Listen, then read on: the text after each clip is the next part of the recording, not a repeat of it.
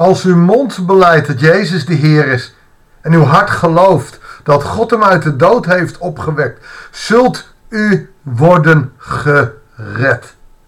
Ik neem Paulus bloedje serieus.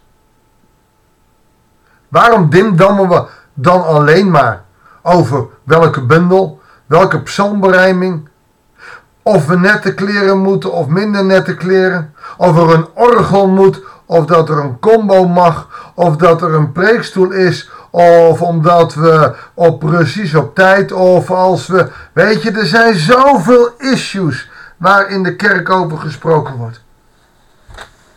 Moeten we niet eerst weer terug naar de basis en beleiden we dat Jezus de Heer is, maar ga dan niet zeggen, nou Jezus is Heer en klaar. Nee, wat betekent dat?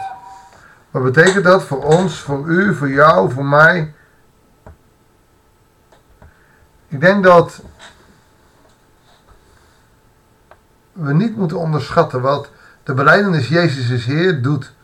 Als we dat oprecht doen, zullen we oprecht ook veranderen. En als ons hart dan ook nog gelooft dat God hem uit de dood heeft opgewekt, dat wij levende mensen zijn die die toekomst hebben, dan moeten we stoppen met dimdammen. Dan mogen we niet meer zeggen, ach, zo is het altijd geweest. Zo zal het moeten blijven. En ik weet heus wel dat het zeer doet. Als je nu niet kan meezingen in een, uh, hoe heet het, in een, in een kerkdienst. Of dat degene, de, de, de, de, de, de muziek die je nu hebt anders klinkt dan voorheen toen je in de kerk was. Of, weet je, er zijn heel veel mensen die daar verdrietig over zijn. En ik snap dat.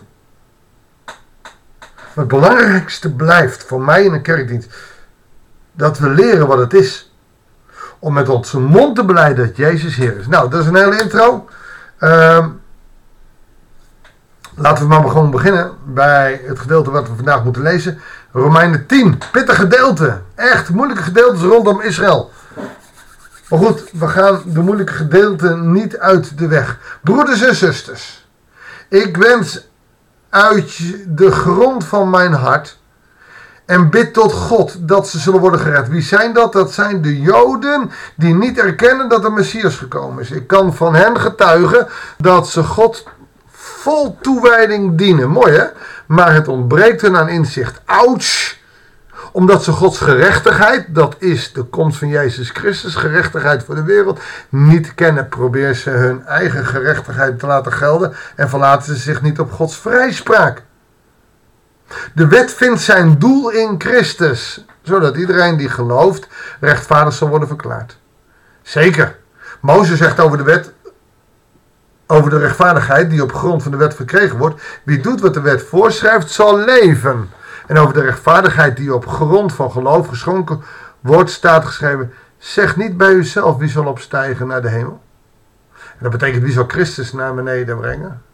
Of wie zal afdalen naar de onderwereld. Dat betekent mm, dat Christus bij de doden vandaan gehaald dan moet worden. Volgens de wet, uh, volgens Mozes. Het woord is dichtbij u. In uw mond en in uw hart. En dat betekent de boodschap van het geloof die wij verkondigen is dichtbij. Het gaat er dus om dat we de wet wel mogen handhaven. Maar als we alleen de wet heeft, hebben, sorry, slecht genederlands. Als we alleen de wet hebben, dan zal onze eigen ik, dat heeft hij in hoofdstuk 9 en 8 gezegd, dan is onze eigen ik die, die ons weghaalt bij het heil, omdat wij die wet verkeerd interpreteren naar onszelf of niet kunnen houden. Daarom zegt hij, in Christus krijgt de vervulling. In Christus zullen we moeten veranderen. Dan wordt die wet werkelijk voor ons.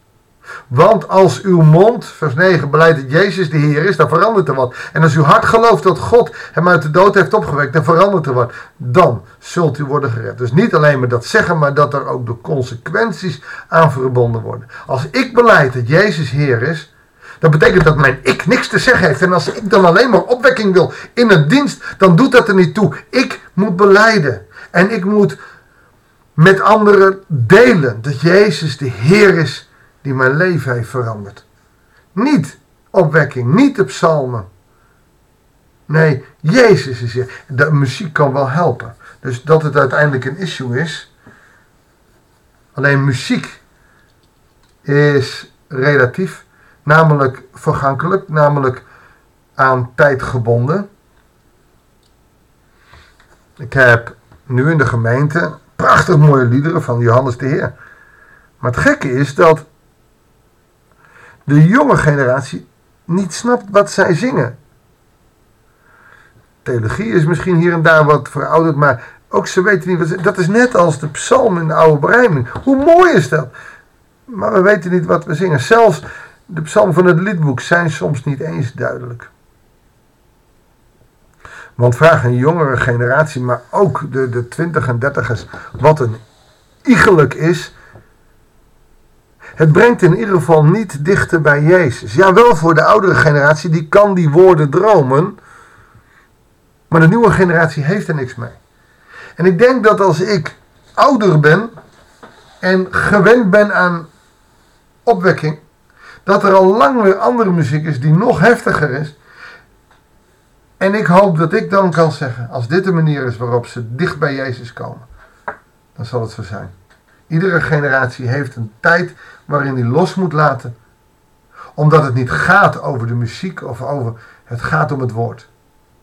Maar als de huidige generatie met zijn mond niet beleidt dat Jezus Heer is, dan kan die huidige generatie gewoon zijn mond houden en niks meer zeggen. En dan moeten ze ook niet zeuren. Want de centrale boodschap is: Jezus is Heer. Hij is de Zoon van God. Als uw hart gelooft, vers 10, zult u rechtvaardig worden verklaard. Als uw mond beleidt, zult u worden gered. Dat gaat verder niet over randvoorwaarden en kerkjes zijn. Dat gaat over het getuigenis. Want de schrift zegt, wie in hem gelooft, komt niet bedrogen uit. Het gaat om geloof in hem, niet om hoe we dat doen. Dus ook de kerkdienst, weet je, ik mis hier en daar wel eens dingen in de huidige gemeente. Alleen die gemeente is het anders gewend. Dan kan ik daar moeilijk over doen. Maar ik kan ook zeggen, oké, ik ga kijken hoe ze dit hier beleven. En ik ga me daarbij aansluiten. Omdat het niet een ding is. Maar wanneer mijn huidige gemeente zegt, ja, maar geloof in Jezus, nou, dat doen we niet zo moeilijk over. Er is een God en dat is het belangrijkste. Dan, dan slaat ze wat mij betreft de plank helemaal mis. Dat zal ook mijn gemeente nooit zeggen. Omdat mijn gemeente, die Vrije Vergeten gemeente hier in Elburg, christologisch is. Christus staat centraal. En dan trekt hij de conclusie, er is geen onderscheid tussen Joden en andere volken, want ze hebben alle dezelfde Heer. Hij heeft zijn rijke gaven aan allen die hem aanroepen gegeven. Want er staat, ieder die de naam van de Heer aanroept, zal worden gered. Wat betekent het? Is dit nou uh, eh, JHWH? Is dit nou God? Of zijn die rijke gaven? Is dat het heil van God door Christus? In het gedeelte hiervoor zegt hij duidelijk: het moet Christus zijn die de wet vervuld heeft. Dus je mag je aan de wet houden, maar als die niet zijn vervulling vindt in Christus, dan zijn de rijke zegeningen van hem niet voor jou. En dan wordt er dus opeens onderscheid gemaakt. Niet omdat ze Jood zijn, maar omdat ze de Messias niet beleiden. Maar Joden zijn toch speciale volk van God. En daar zit het issue. In dit gedeelte zegt hij duidelijk: we moeten de Messias beleiden. Dan laten we de discussie voor nu dan ook bij. En misschien mooi om met elkaar voor het Joodse volk te bidden dat zij Jezus als hun Messias zien, zodat zij nu al een stukje van het heil kunnen erkennen. Mag ik je voorgaan, Heere God? Dan zitten we zomaar rondom het thema van Israël en dat is een ingewikkelde. Want we weten, het was uw oogappel. En toch wil Paulus hier duidelijk zeggen, ze moeten ook Christus gewoon beleiden.